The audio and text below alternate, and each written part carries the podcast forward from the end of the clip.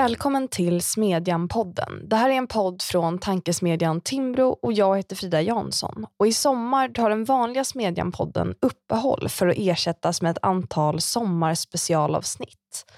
I de här avsnitten kommer vi på Smedjan-redaktionen sammanträda för att ge er perspektiv på politiken.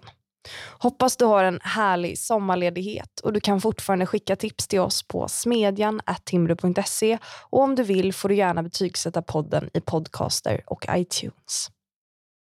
Årets Almedalsvecka är i full gång. I det dubblade tempot som veckan har i år så har vi när den här podden spelas in kommit halvvägs. Vi har lyssnat på statsminister Magdalena Andersson, Moderaternas Ulf Kristersson, Vänsterpartiets Nooshi Dadgostar och Kristdemokraternas Ebba Busch som har hållit sina tal i Almedalen. Och alla har de pratat om Sveriges bästa, de har pratat om NATO och inte minst om kärnkraften där vi på ett par veckor fått ett helt nytt politiskt läge i svensk politik. Idag så är oppositionen, Socialdemokraterna och Centern helt plötsligt överens om att man bör satsa på nya reaktorer under nästa mandatperiod. Det kanske är den största nyheten som har kommit under veckan som, eh, så som det har gått hittills. Men med mig för att prata lite grann om vad som händer i Visbys gränder och i partiernas inre liv så har jag mina kollegor på Smedjan, Linnea Dubois och Henrik Dahlgard. Välkomna! Tack så jättemycket. Hur har veckan varit? Den har väl varit bra så här långt. Vi är ju ungefär halvvägs och det märks att det är många som är glada på att vara tillbaka. Mycket är sig likt, trots att vi inte har varit här på några år. Det är ju lite mindre drag än vad det var 18-19, men eh, stämningen är på topp. Det märks att det är valår. Henrik? Ja, men jag håller väl med. Det är verkligen kul att vara tillbaka, inte minst för att man får gå runt och träffa människor i många olika typer av sammanhang och, och sfärer.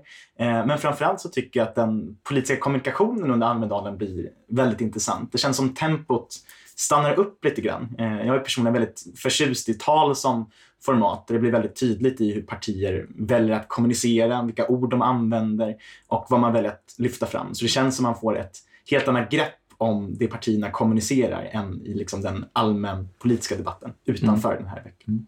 Den diskussionen som man har haft tidigare år kring huruvida Almedalen är bara ett PR-jippo eller inte, den, den, tror jag lite grann har uteblivit. Och, och, ganska många som är här under årets vecka, som ju är hälften så lång som, som den var tidigare, eh, känns som att man har ganska, eh, ganska väl prioriterade åtaganden.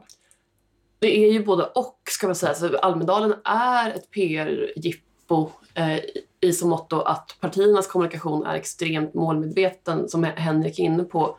Man får på ett koncentrerat sätt se hur linjerna och prioriteringarna ser ut. Det de väljer att kommunicera dag för dag sätter tonen för vad som är viktigt just nu. Och det känns verkligen att valrörelsen kristalliseras fram. Man börjar på allvar kunna se hur de närmsta månaderna kommer att se ut.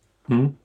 Och vi ska komma in lite grann på det här med, med valrörelsen. Men eh, vi spelar in det här strax efter att Ebba Busch har levererat ett tal eh, som väldigt mycket handlade om att Socialdemokraterna nu försöker vända väldigt mycket av den kritik som riktas mot regeringen och sina egna misslyckanden till någon slags positivt valbudskap.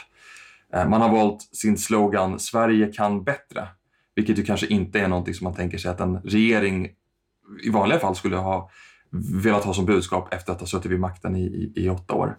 Magdalena Andersson pratar också om att det är dyrt att vara svensk, vilket lite, blev lite förvirrande i och med att det var precis samma rubrik som eh, Moderaternas ekonomisk-politiska seminarium hade i söndags. Alla verkar tro att man man på något sätt vinner på att, att prata om den här dystra bilden och, och vad, man ska, vad man ska göra åt det.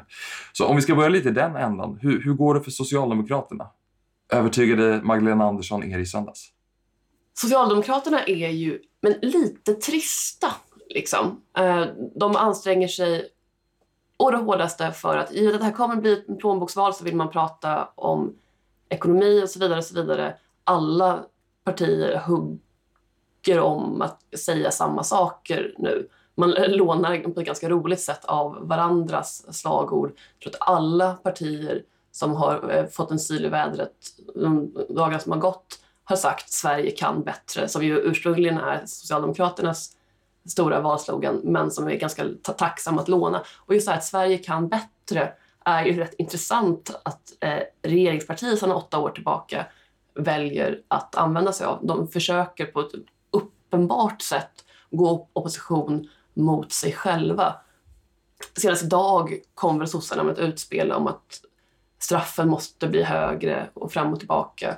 Och det, det är alltid så, eh, väl, under valrörelser, liksom att även regeringspartiet plötsligt kommer på att de har idéer och saker de vill genomföra som de av olika anledningar inte har genomfört under tiden som har varit. Men mm. sossar försöker gå i opposition mot sig själva, är lite lojt och i övrigt så ser man inte jättemycket av de här.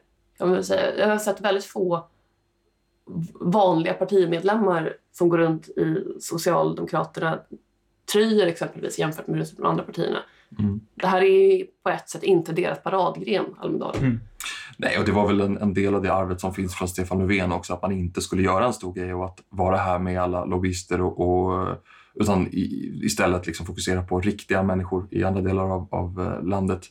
Mm. Eh, vi har inte sett speciellt många statsråd här till exempel. Det brukar ju vara betydligt fler, eh, särskilt om det är valår. Jag såg att Annika Strandhäll valde att ställa in sin medverkan Eh, och det finns ju ingen annan av de, de stor, tunga statsråden som har gjort några, några större framträdanden. Så jag, jag håller på ett sätt med om det, att det har varit ganska ganska svalt och en, en någon slags miniminivå från, eh, från Socialdemokraterna. Nu handlar det bara om att, att hålla igen.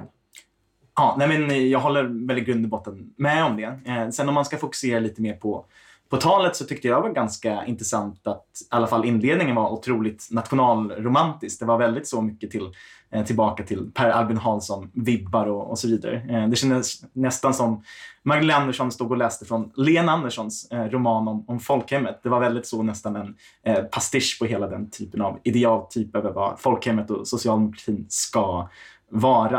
Eh, sen håller jag verkligen med om det här. De lyckas ju gång på gång verkligen gå i opposition mot sig själva och det är, jag blir nästan, jag blir väldigt irriterad på det utifrån att det är ju deras system vi lever i. Det är deras arbetsmarknadsmodell, det är deras bostadsmarknadsmodell. Det är de som har byggt de här systemen, men de lyckas gång på gång gå opposition mot dem och lyckas med det. Mm. Eh, det är ju otroligt får man säga. Ja, å andra sidan kan man ju peka ut att man är väldigt duktig på att fånga upp vad vinden blåser. Det kan ju vara både liksom en, en förolämpning att säga att någon, någon, bara, eh, någon är en vindflöjel, men det handlar ju också om att kunna känna av vilka frågor som kommer att bli problematiska. Jag tycker att det här med kärnkraften är ju särskilt intressant. Man har även svängt om, om Nato och kommer väl förmodligen att försöka lägga sig så, så nära Moderaterna och, och övriga oppositionen som möjligt vad gäller frågor om kriminalitet och, eh, och migration. Så att, det är ju liksom en kamp som pågår nu där Socialdemokraterna, tyvärr får man väl säga från, från det borgerliga hållet, har varit väldigt duktiga på att, att triangulera och ställa sig eh, rygg mot rygg mot, eh, mot övriga partier. Men om vi ska gå vidare lite grann till Moderaterna då. Linnea, du är ju också vikarie på Svenska Dagbladets ledarsida under sommaren och eh, igår så skrev du en text kort efter Ulf Kristerssons tal där du sade dig ha hittat en optimistisk eh, ton. Vad var det du skrev om Moderaterna och deras linje? Ja, precis. Det stämmer ju.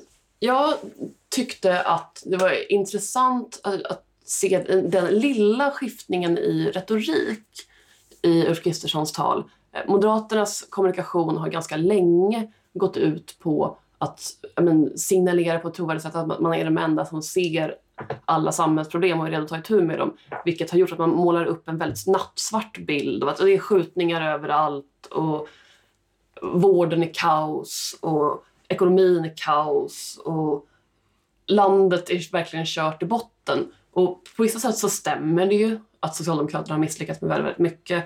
Men det blir ett väldigt tungt budskap att ta emot om det bara är så. Jag, jag tror att människor, väljare, vanligt folk, vi uppskattar någon form av riktning framåt också. Inte bara det negativa budskapet om att eh, samhället är kört i botten och det är Socialdemokraternas fel. Eh, vi behöver rädda landet från Socialdemokraterna. Utan också en positiv vision av vad kan Sverige vara om fyra år om Moderaterna och den borgerliga oppositionen får möjlighet att göra någonting annat. Och det tyckte jag sken igenom i talet. Dels var inramningen lite mer så härligt peppig än vanligt. Det var lite plinkande musik, det var lite Terjärestad, det var en liksom, fondbakgrund, en blå himmel. Sista delen av talet handlade just om ett annat Sverige som är möjligt. Mm. Där det är ordning och reda på allt och människor får tjäna sina egna pengar och behålla dem och hitan och, och ditan. Och det, och det, det kändes bra. Liksom. Mm. Och jag har pratat runt med folk efter talet så är det flera som återupprepar den eller känner igen sig i den analysen. Även pressekreterarna i staben har hört samma sak. Att men vad härligt att landet för hoppfulla börjar krypa sig tillbaka. Det, det finns en riktning och en positiv ambition. Mm. Land för hoppfulla var väl också rubriken på idéprogrammet som man släppte för inte så länge sedan. Eh, jag fick lite associationer till den valfilmen som gjordes 2014 var det väl, som handlade om thaikiosken. Ja, eh, som, jag tror, som blev ganska väldigt framgångsrik och som är, tycker jag i alla fall, en av de, de bästa som har gjorts i Sverige. Det kändes som att man lyckades komma tillbaka lite grann till det, till det budskapet som man lyckades ha under, under alliansregeringen, där man både kunde vara eh, någon som, som eh, tog ansvar och gjorde eh, och ibland kom med bistra besked och var den som hade hopp om, om framtiden. Ja, men jag tyckte också det var intressant utifrån det ni båda är inne på, att det kändes som ett tal som personifierar Ulf Kristersson ganska mycket. Han hade den här avslutande frasen om att vi måste göra det vi måste för att kunna göra det vi vill. Eh, och det känns väl som det är en ganska bra beskrivning av hans partiledarskap. Jag tycker det känns som att Ulf Kristersson är en person som har ramlat in, eller vad man ska säga, i en politisk diskurs som kanske inte är den bästa för honom. Han har tvingats prata väldigt mycket om hårda frågor om migration, integration och brott och straff. Men eh, kanske vill prata mer om framtidens teknik och liksom det här optimistiska som ni är inne på. Eh, det jag skulle vilja önska lite mer om man får vara lite kritisk mot partiet, det är väl att så man borde måla upp vad det här man vill i framtiden. När man har gjort det man måste, vad är då man vill med Sverige och peka ut både de politiska reformerna men framförallt kanske de vägledande idéerna. Mm. Alltså Moderaterna har ju en, en, grundläggande, en grundläggande problematik, vill jag nog hävda, som handlar om att man ser sig själv på väldigt olika sätt på insidan och utsidan av partiet. Eh, många som är engagerade i Moderaterna är ju fortfarande, fortfarande har nog kvar en, en, väldigt stark optimism. Man är partiet för internationellt samarbete, handel, tillväxt, företagande eh, och sådär.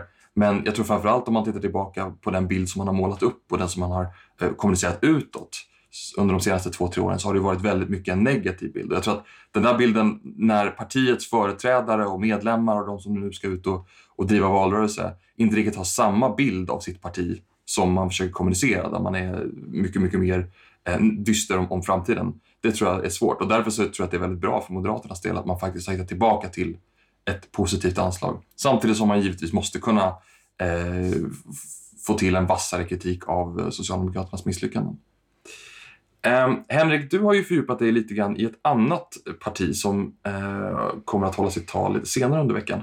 Eh, Centerpartiet. Och idag publicerar vi en text som handlar om konsekvenserna av den utveckling som partiet har genomgått under den här eh, mandatperioden. För Centerpartiet var ju länge ett, ett, alternativ för den som kände att man var grön och liberal och, och, och man hade en valslagan som var framåt. Um, nu har man målat in sig i ett hörn och du menar att det kommer att få konsekvenser. Vad är det du har skrivit om? Nej, men jag har funderat lite kring just diskussionen kring Centerpartiet och, och deras samarbeten. Eh, I sitt tal eh, som han höll i måndags uppmanade Ulf Kristersson Centerpartiet att komma med besked.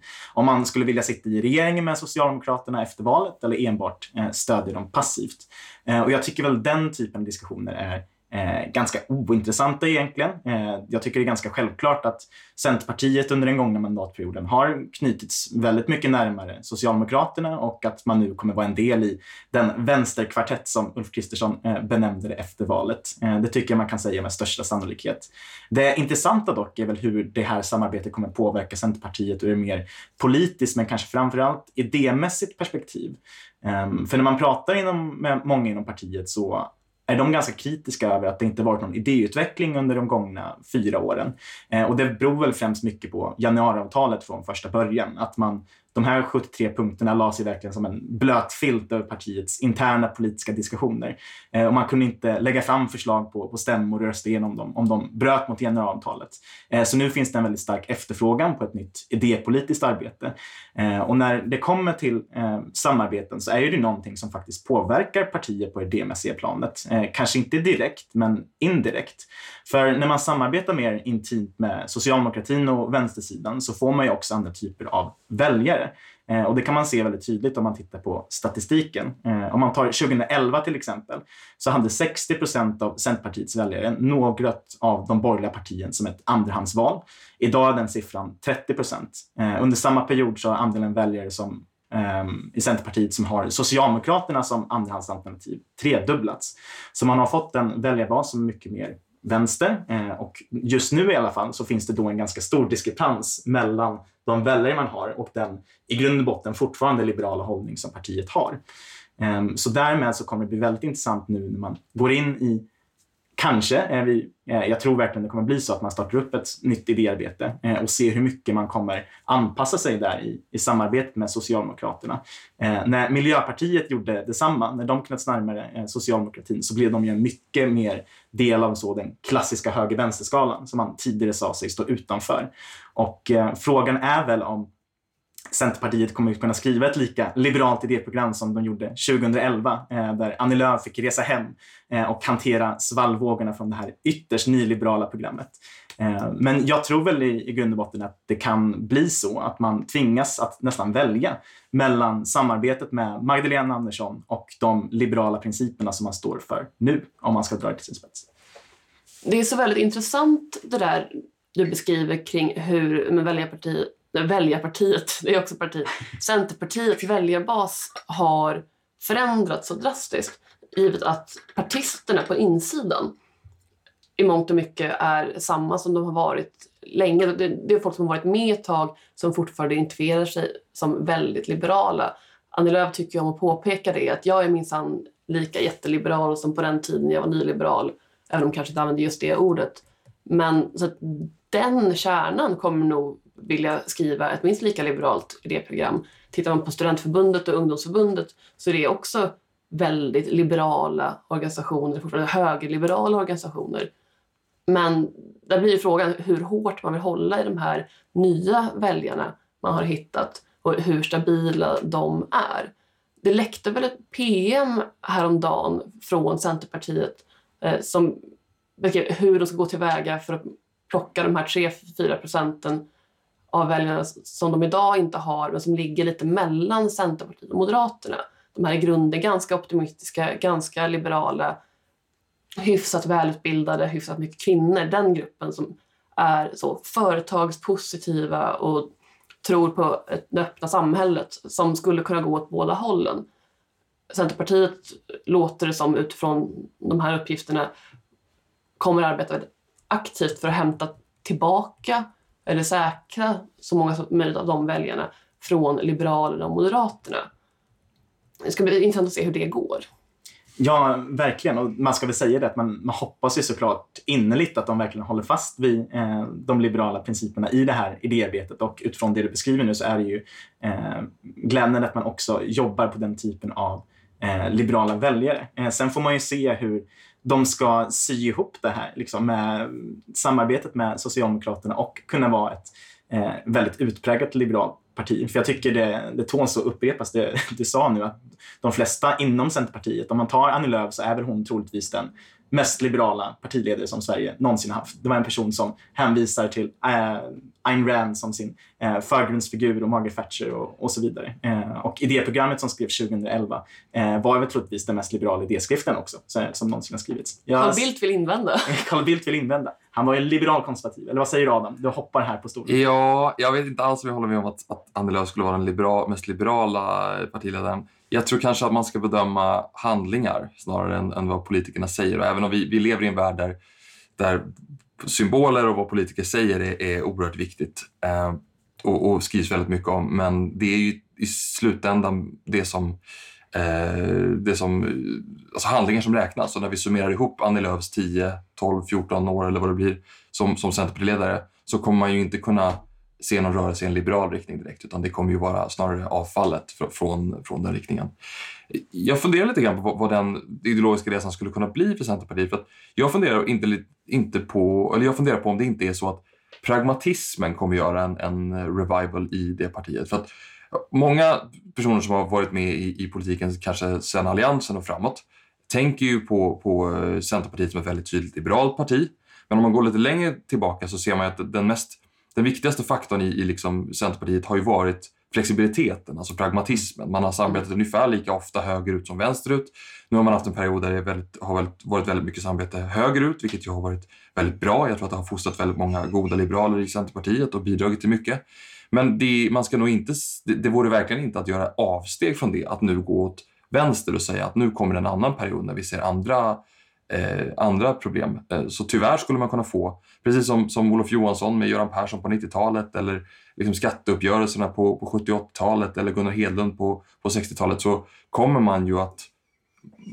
Jag tror inte man ska, man ska nog aldrig säga att Centern riktigt stannar utan man är alltid på väg till eller från någonting. Så det, det, där, den här pragma, väldigt många människor som verkar vara förvånade över att Centerpartiet nu gör på något annat sätt efter att ha uttalat sig väldigt kategoriskt under ett decennium. Eh, jag tror att man, man måste se det i ett längre perspektiv och tänka att det här är ett parti som naturligt svänger lite fram och tillbaka beroende på vad, vad de viktigaste frågorna, frågorna är. Och det finns ju en slags motsägelse här att Annie Lööf har gjort någon slags, en väldigt fundamentalistisk eller väldigt eh, kategorisk linje som sin, sitt eh, signum. Eh, framförallt i samarbete med Sverigedemokraterna men även innan 2015 åtminstone, eh, migration och, och arbetsmarknadspolitik. Eh, det finns ju något väldigt icke-pragmatiskt i det som jag tror att man kanske kommer att behöva tona ner. Det kommer inte bli fler agendainslag där, där de står och skriker på Jimmie Åkesson utan man kanske vill ha en, mer, eh, en mindre konfrontativ eh, linje.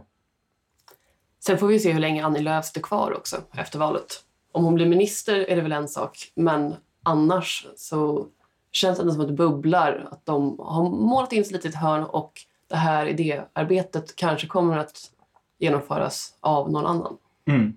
Ja, men jag tycker det är ganska intressant att se hur liksom, retoriken runt Centerpartiet och framförallt från ungdomsförbundet har ändå förändrats eh, lite grann den, den senaste tiden. Eh, Centerpartiet är ett parti som eh, har en väldigt eh, som Katarina Barling uttryckte det i sin avhandling om partikulturen, en väldigt mysig eh, internkultur. Hon kallar dem för fikapartiet i och med att man alltid försöker nå konsensus och, och komma överens. Eh, men på den senaste tiden så tycker jag i alla fall man har sett på dels Twitter men i, i andra forum att många inom framförallt den unga vänsterrörelsen har börjat eh, säga ifrån och pratar på ett annat sätt kritiskt mot partibildningen som man inte gjorde för kanske ett, två år sedan.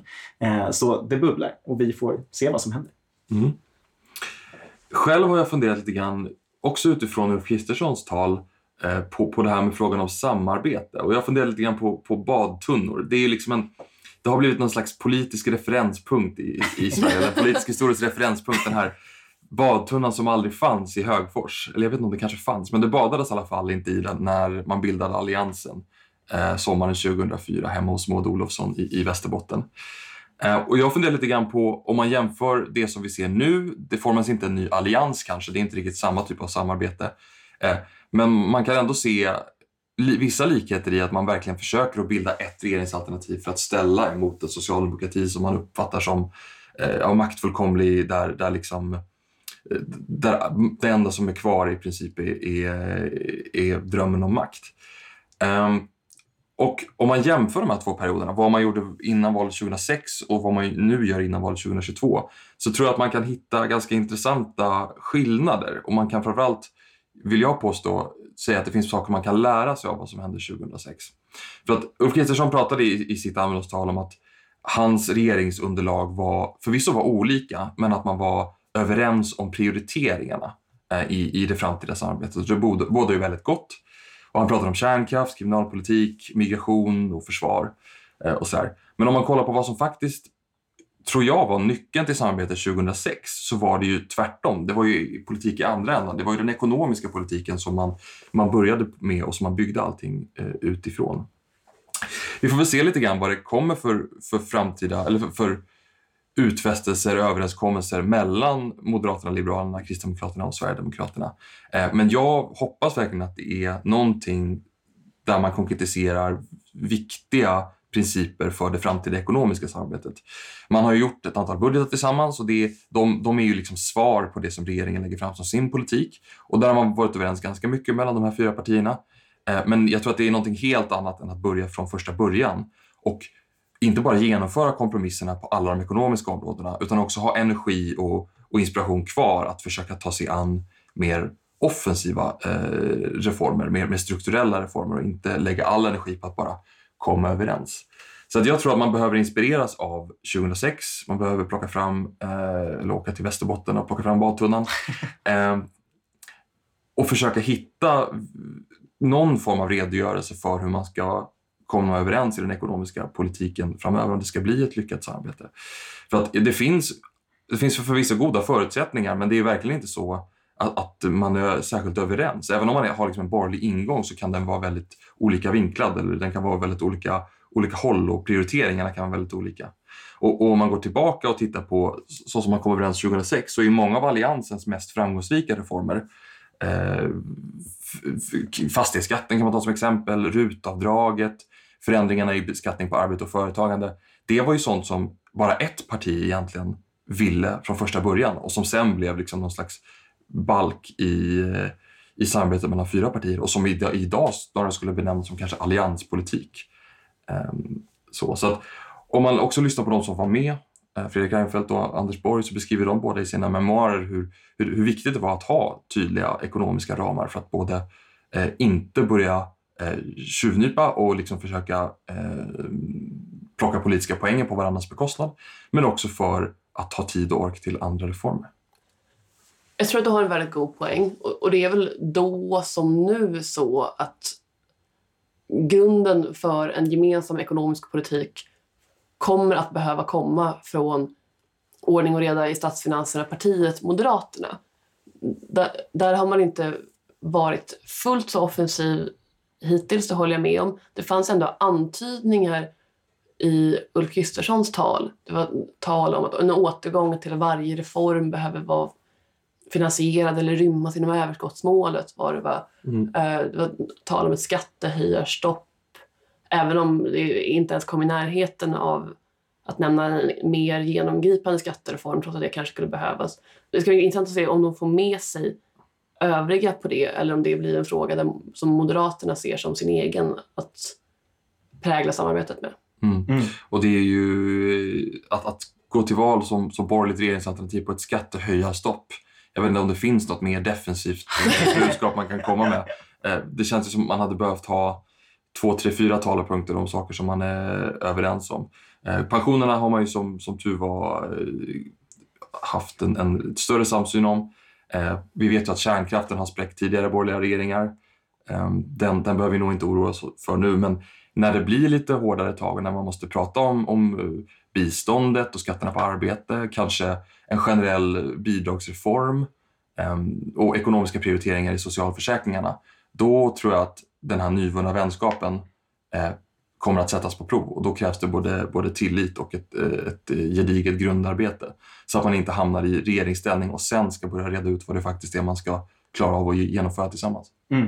Nej, men jag tror väl just det där sistnämnda är väl den eh, punkten som kanske kommer vara mest intressant efter valet om maktskiftpartierna är de som sitter på, på den politiska makten. Eh, för jag tycker det finns en bild alla fall av många inom den partipolitiska borgerligheten att det här förhandlandet kommer gå ganska lätt. Att man nu är överens, man är fyra partier som vill ha maktskifte, men man har haft en lite dans på rosor i de här politiska frågorna. Man har fått prata väldigt mycket om saker som man är överens om. Eh, man har fått prata om brott och straff och invandring och de hårda frågorna. Eh, men som, precis som du är inne på det här så är ju den ekonomiska politiken eh, kanske det viktigaste för ett sånt här samarbete.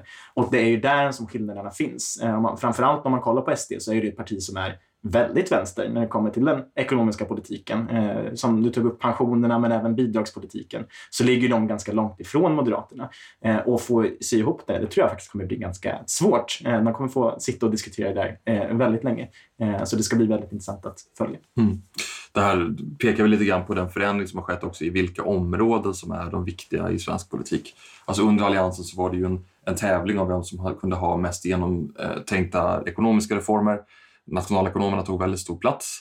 Ehm, nu är det helt andra frågor och då har man inte alls eh, lagt lika mycket krut, uppfattar jag det som, eh, på den ekonomiska politiken. Men jag tror ändå att man ska titta tillbaka lite. Vad gjorde man bra 2006?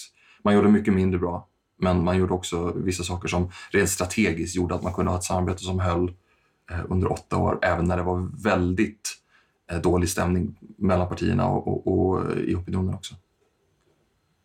Ja, tiden börjar springa ifrån oss, men jag tänkte avsluta med en sista fråga. Eh, har ni blivit mer eller mindre hoppfulla inför den valrörelse som, som, vi, som vi står inför? Åker ni härifrån med positiv eller negativ vibb så att säga? Ah, gud, bra fråga. Jag har ju varit väldigt negativ till, till den här varelsen under en väldigt eh, lång tid, så jag, jag börjar på en väldigt låg nivå. Eh, men jag måste säga att jag är lite hoppfull, eh, just utifrån det kändes utifrån Ulfs tal som att det finns ganska mycket bra energi i Moderaterna. Att framförallt man pratar med de som verkligen är de som ska kampanja. Eh, både anställda men även personer inom ungdomsbundet så känns det som de tror på det här. Eh, och det är väl en av de viktigaste sakerna eh, när det kommer till just valrörelser. Att de som är eh, basen för partier faktiskt går ut och kampanjar. Eh, sen får vi se, rent politiskt så, så vet jag inte om jag är så hoppfull. Eh, det är väl en valrörelse som kommer präglas väldigt mycket eh, av eh, de hårda tagen och eh, brott och straff. Eh, så vi får se. Jag skulle nog ändå säga att jag har blivit mer hoppfull. Det känns som att Moderaterna har hittat till sin tolkning av vad det innebär att vara statsbärande nu. Det känns som att laget så att säga är samspelt. Bara en sån sak som att Ebba Busch under sitt tal med en blinkning till 90-talet pratade om en ny start för Sverige. Ty tyckte jag var ganska talande. Och det är god stämning i Liberalerna, det verkar vara fin stämning i Kristdemokraterna. Vad innehållet i det här blir får vi se. Men det känns som att det ändå luktar liberalt maktskifte. Ja, det får vi hoppas på. Tack så mycket Henrik, tack så mycket Linnea och tack till dig som har lyssnat så hörs vi igen nästa vecka.